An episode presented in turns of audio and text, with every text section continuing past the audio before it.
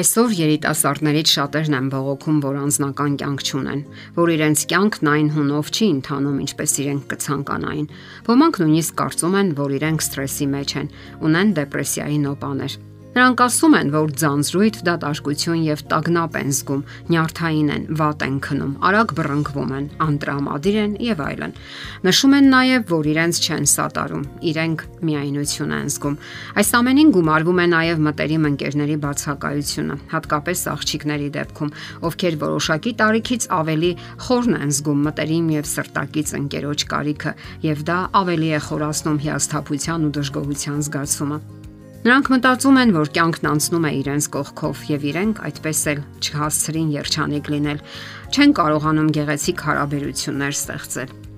Նման հիմնախնդիր գոյություն ունի երիտասարդները բավարարված չեն իրենց անձնական կյանքից։ Նրանց կարելի է տարբեր խորհուրդներ տալ, սակայն ամենակարևորն այն է, որ կարողանան հստակ որոշել, թե ինչ են ցանկանում կյանքից։ Նույնիսկ գրեն թղթի վրա, թե որոնք են իրենց առաջնահերթությունները, ինչն է առաջին տեղում, ինչը երկրորդ եւ այդպես շարունակ։ Այդ ժամանակ հասկանալի կլինի, թե որ ուղղությամբ է պետք շարժվել։ Թախիցը, դատարկությունն ու տագնապը հաճախ առաջանում են, երբ չգիտես թե դեպի ուր ես գնում, ինչ ես ցանկանում Սրանք առաջին քայլերն են, որ հարկավոր է անել։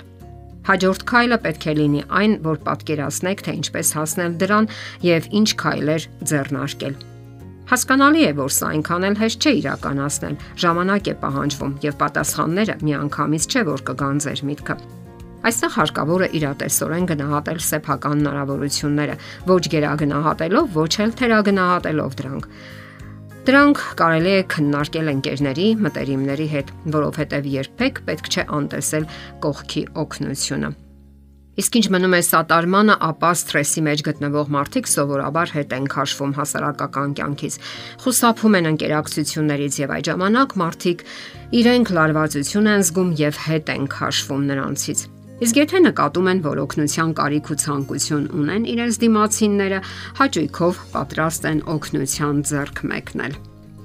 Որոշ հիմնախնդիրներ առաջանում են այն ժամանակ, երբ չեք կարողանում ընկերություն ստեղծել Պարզապես պետք է հաղթահարեք ձեր անվստահությունը, համարցակորեն կյանքի օվկիանոս մտցնեք ձեր նավը եւ չմտածեք, որ մյուսներից ավելի վատն եք։ Եթե արդեն գոհ չեք ձեր մասնագիտությունից, պարզապես հարկավոր է փոխել աշխատանքային ոլորտը կամ էլ վերապատրաստվել եւ նոր բնագծեր նվաճել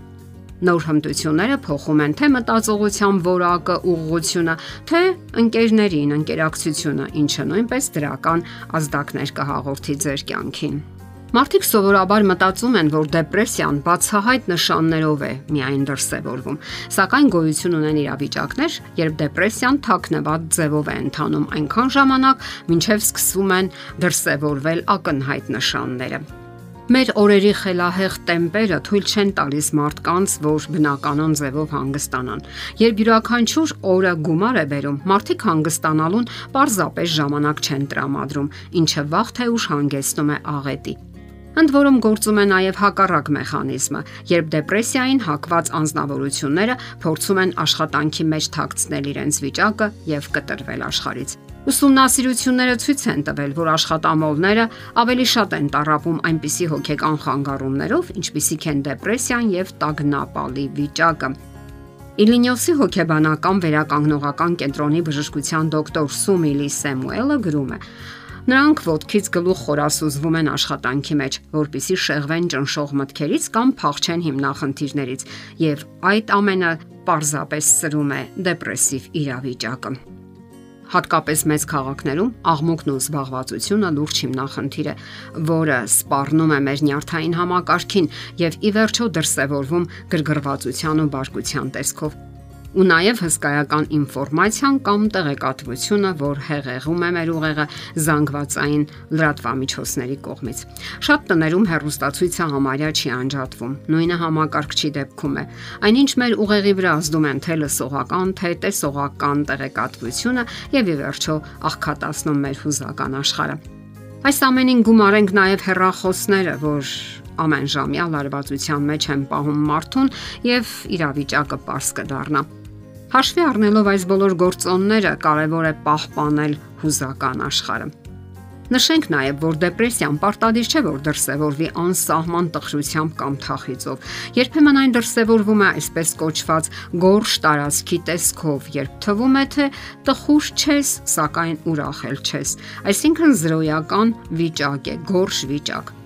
Դոկտոր Սումիլի Սեմուելը գրում է.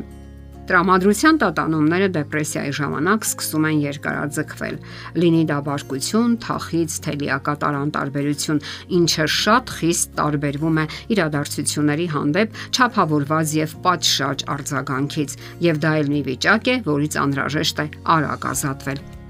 Այսպես քայլ առ քայլ պետք է գնալ փոփոխությունների ծրագրավորեք լինել երջանիկ եւ մտածեք, թե ինչ քայլեր է պետք ձեռնարկել։ Այստեղ նույնպես ձեզ կարող են օգնել մտերիմներն ու հարազատները։ Եվ մի մոռացեք կարգավորել ձեր քունը լիակատար հանգստացեք, օգտագործեք ձեր արցակուրտները, ինչպես նաև շփաթվա վերջում տրվող հանգստյան օրերը։